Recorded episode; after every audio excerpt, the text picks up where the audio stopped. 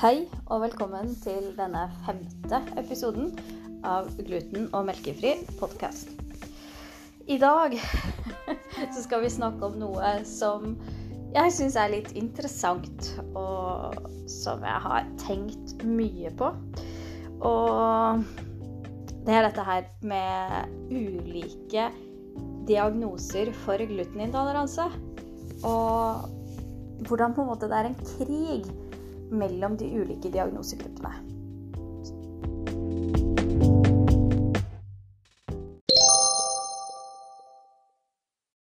Det er jo ingen hemmelighet at jeg har ikke cøliaki.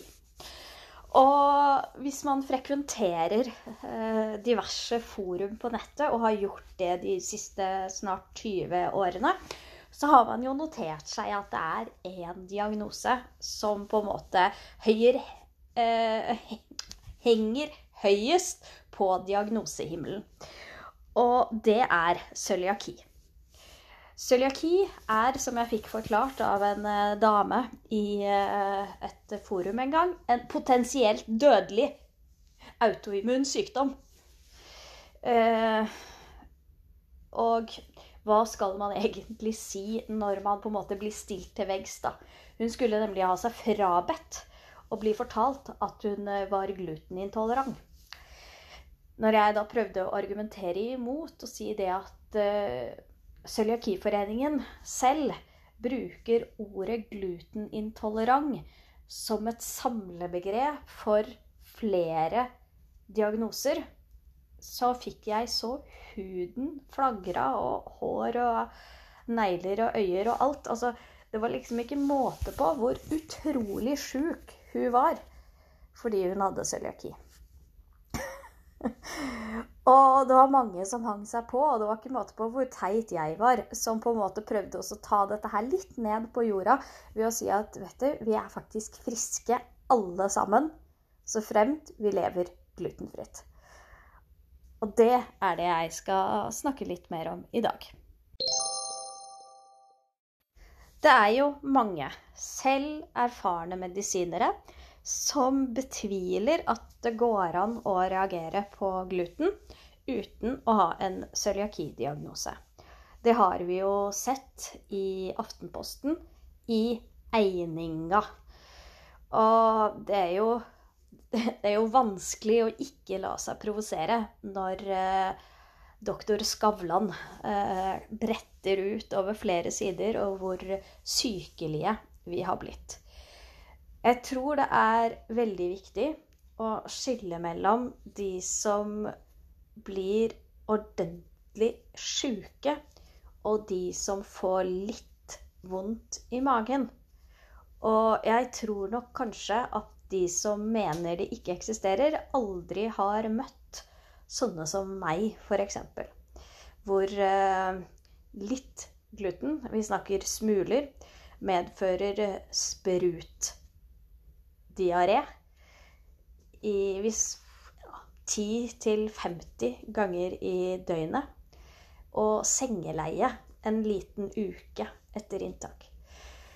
Og det er klart det at uh, når min diagnose ikke kan påvises med enkle blodprøver, mens en cøliakidiagnose kan påvises med blodprøver og eh, gastroskopi, så er det jo lett å betvile min diagnose sett fra et, eh, sett fra et eh, prøvetakingsstadie, eller hva jeg skal si.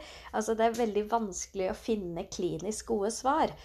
Samtidig så kommer reaksjonen min og veldig mange andre sin så resolutt etter inntak av gluten at eh, det er også vanskelig å betvile den.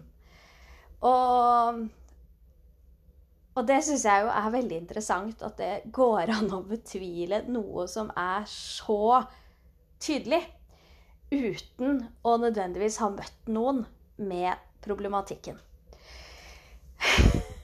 Og dette her har jeg jo snakket om i en, uh, en podkast tidligere. Men det, det, jeg skulle snakke primært om i dag, det er dette her med å heng, øh, henge høyest på diagnosehimmelen. Og det er jo det at med, mange av de med cøliaki, og kanskje spesielt de som er nydiagnostisert, eller de som er godt oppe i årene da de fikk diagnosen, og som på en måte ikke har lært seg å leve med den, og som fortsatt bærer på veldig mye sorg, sinne og frustrasjon over å ha fått en sånn diagnose, de føler at deres diagnose den er på en måte viktigere, den er verre, og ikke minst så er den anerkjent. Og potensielt dødelig, da, som jeg fikk eh, beskjed om. Det er den ikke, hvis, med mindre du ikke uh, spiser glutenfritt, da. og jeg syns jo hele scenarioet om å krangle om hvilken diagnose som er mest alvorlig og viktigst, syns jeg jo er helt patetisk, for å være ærlig.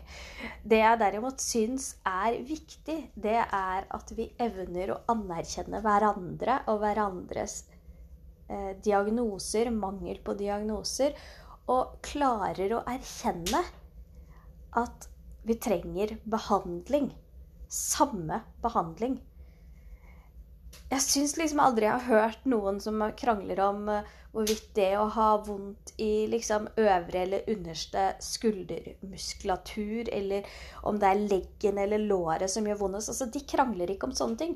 Men når det gjelder gluten, hvor behandlingen er nøyaktig den samme Hold deg unna gluten, du er frisk. Spiser du gluten, så blir du syk.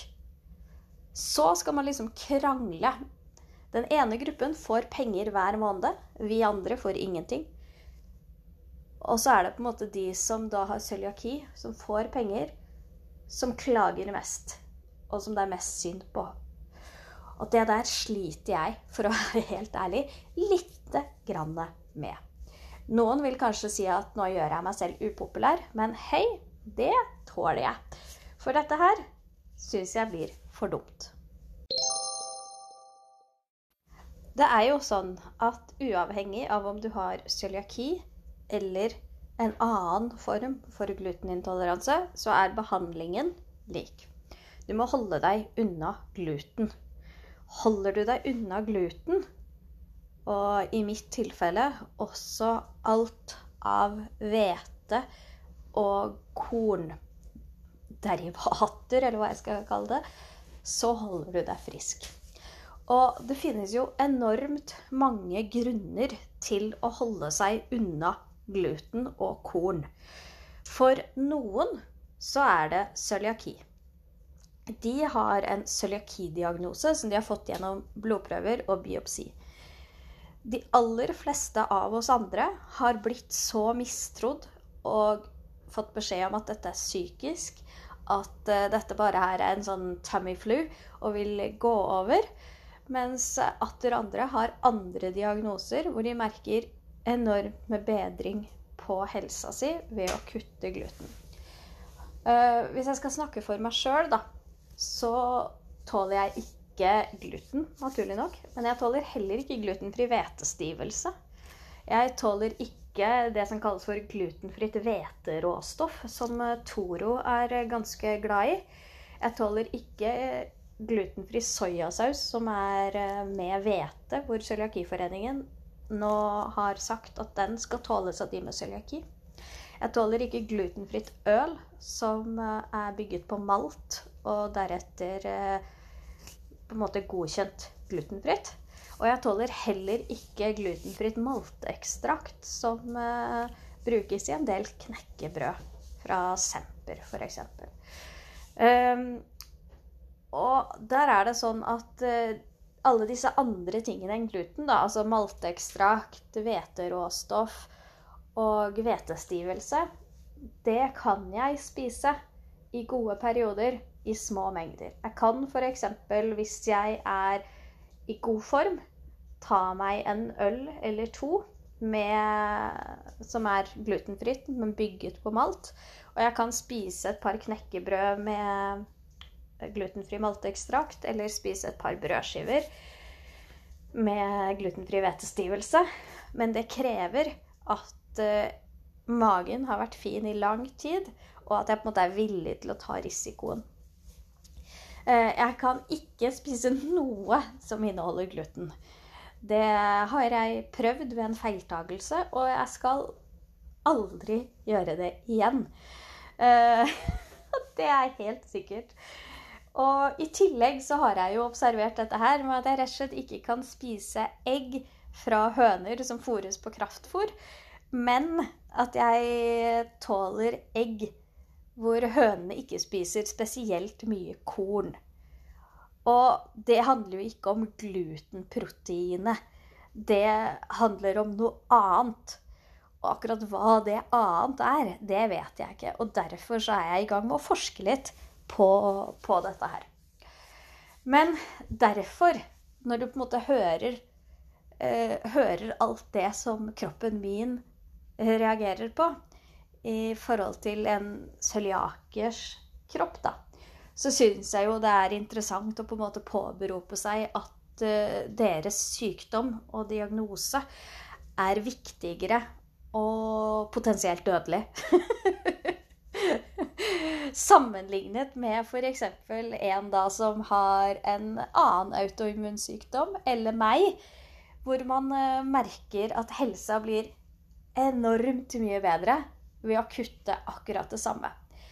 Og det er også det, derfor jeg har ikke vært med på en eneste underskriftskampanje for å, nei, for å beholde støtten, eh, altså grunnstønaden, til de med cøliaki.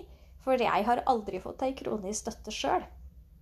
Og Cøliakiforeningen har vel strengt tatt aldri jobbet for å bedre klimaet for oss uten diagnose.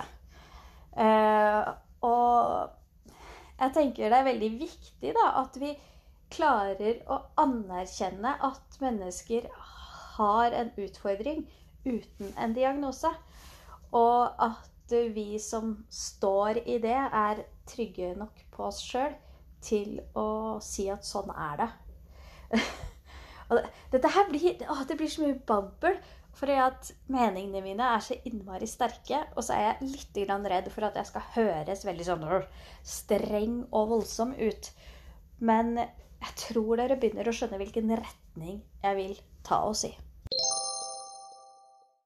Spørsmålet er altså er det så forbaska viktig å ha det verst, å ha det vondest, å ha den tyngste hverdagen, å bli sykest? Nei. Poenget må jo være å ha det best mulig, ha det enklest mulig. Og ha et godt liv. Det er jo ikke noe poeng i seg sjøl å ha det fælt. Og potensielt dødelig sykdom. Og det er ikke meningen å le. Greia er rett og slett bare den at jeg tenker tilbake på så mange av disse diskusjonene som jeg har hatt i diverse forum, og tenker egentlig at jeg skulle gjerne ønske at folk klarte å ha et sånn litt mer positiv livsanskuelse. Og klarte å på en måte omfavne det faktum at vi er ulike, alle sammen. Og at det som funker for deg, det funker ikke nødvendigvis for meg. Og ikke begynne å disse folk fordi at uh, man bare har glutenintoleranse. Eller uh, IBS det er jo en oppfunnet diagnose som uh, en lege skrev i Aftenposten for et par år siden. Fordi at det var umulig sånn at eh, en tredjedel av landets befolkning kunne gå rundt med en funksjonell tarmlidelse. Altså, det kan vi på en måte ikke bare erkjenne. At er Kroppene våre, de er ikke A4. Eh, min kropp er som et økosystem, sa jeg en gang til legen. Jeg har hovedemne i økologi fra universitetet og kan bitte lite grann om økologi. Og økologi det handler jo om samspill. Og i det øyeblikk du forrykker det samspillet lite grann, så skyver du jo på en måte hele økosystemet ut av balanse. Og sånn ser jeg på kroppen min. Hvis jeg gjør en stor endring i livet mitt hvis jeg får en diger mage-tarminfeksjon, hvis jeg går på en antibiotikakur Altså hvis det skjer noe som forrykker balansen i kroppen min, så vil jo kroppen på en måte finne tilbake til en slags normaltilstand. Men den normaltilstanden vil kanskje kreve innsats fra meg for å vedlikeholde. Og i manges tilfeller da, så kan det være å leve glutenfritt. Man kjenner plutselig at jøss, jeg tåler ikke dette lenger. Det har kanskje kommet litt snikende, mens for andre så kommer det nærmest litt sånn poff over natten. Og hvorfor kan vi ikke bare anerkjenne at det er sånn kroppene våre er? De er så forskjellige. Det finnes like mange måter å reagere på matvarer på som det finnes mennesker som reagerer. Og kan vi ikke la årsaken til at vi reagerer, være en privatsak? Jeg sier ikke når jeg skal ut og spise at uh, unnskyld, uh, kunne jeg fått uh, mat som er gluten- og melkefri fordi jeg har glutenintoleranse, melkeintoleranse og ja, nei, du skjønner. På samme måte som jeg ikke skjønner hvorfor man skal si det at eh, Hei, jeg har cøliaki. Og så forvente at restauranten vet hva det innebærer. Eh, det er så mye enklere å ikke ta ting for gitt, og heller bare gi beskjed om at hei, jeg tåler ikke gluten. Da har du på en måte etablert Du har ikke sagt du er allergisk, men du har på en måte etablert det faktum at jeg tåler ikke uavhengig av hvorfor du ikke tåler. Du kan ha hveteallergi, du kan ha IBS, du kan ha glutenintoleranse, og du kan ha cøliaki. Men så kommer det jeg syns er så interessant. Mange med cøliaki skal for Guds skyld ikke tas for å ha intoleranse. For det er jo vår skyld at uh, det er blitt så dårlig på glutenfritt ute. For det er så mange med intoleranse som tåler litt, og som spiser kanelbolle til dessert. Og den diskusjonen skal jeg ikke engang gå inn på, men du hørte at jeg sukket. Og med det så runder vi av. Og så skal du få en liten smakebit på neste episode.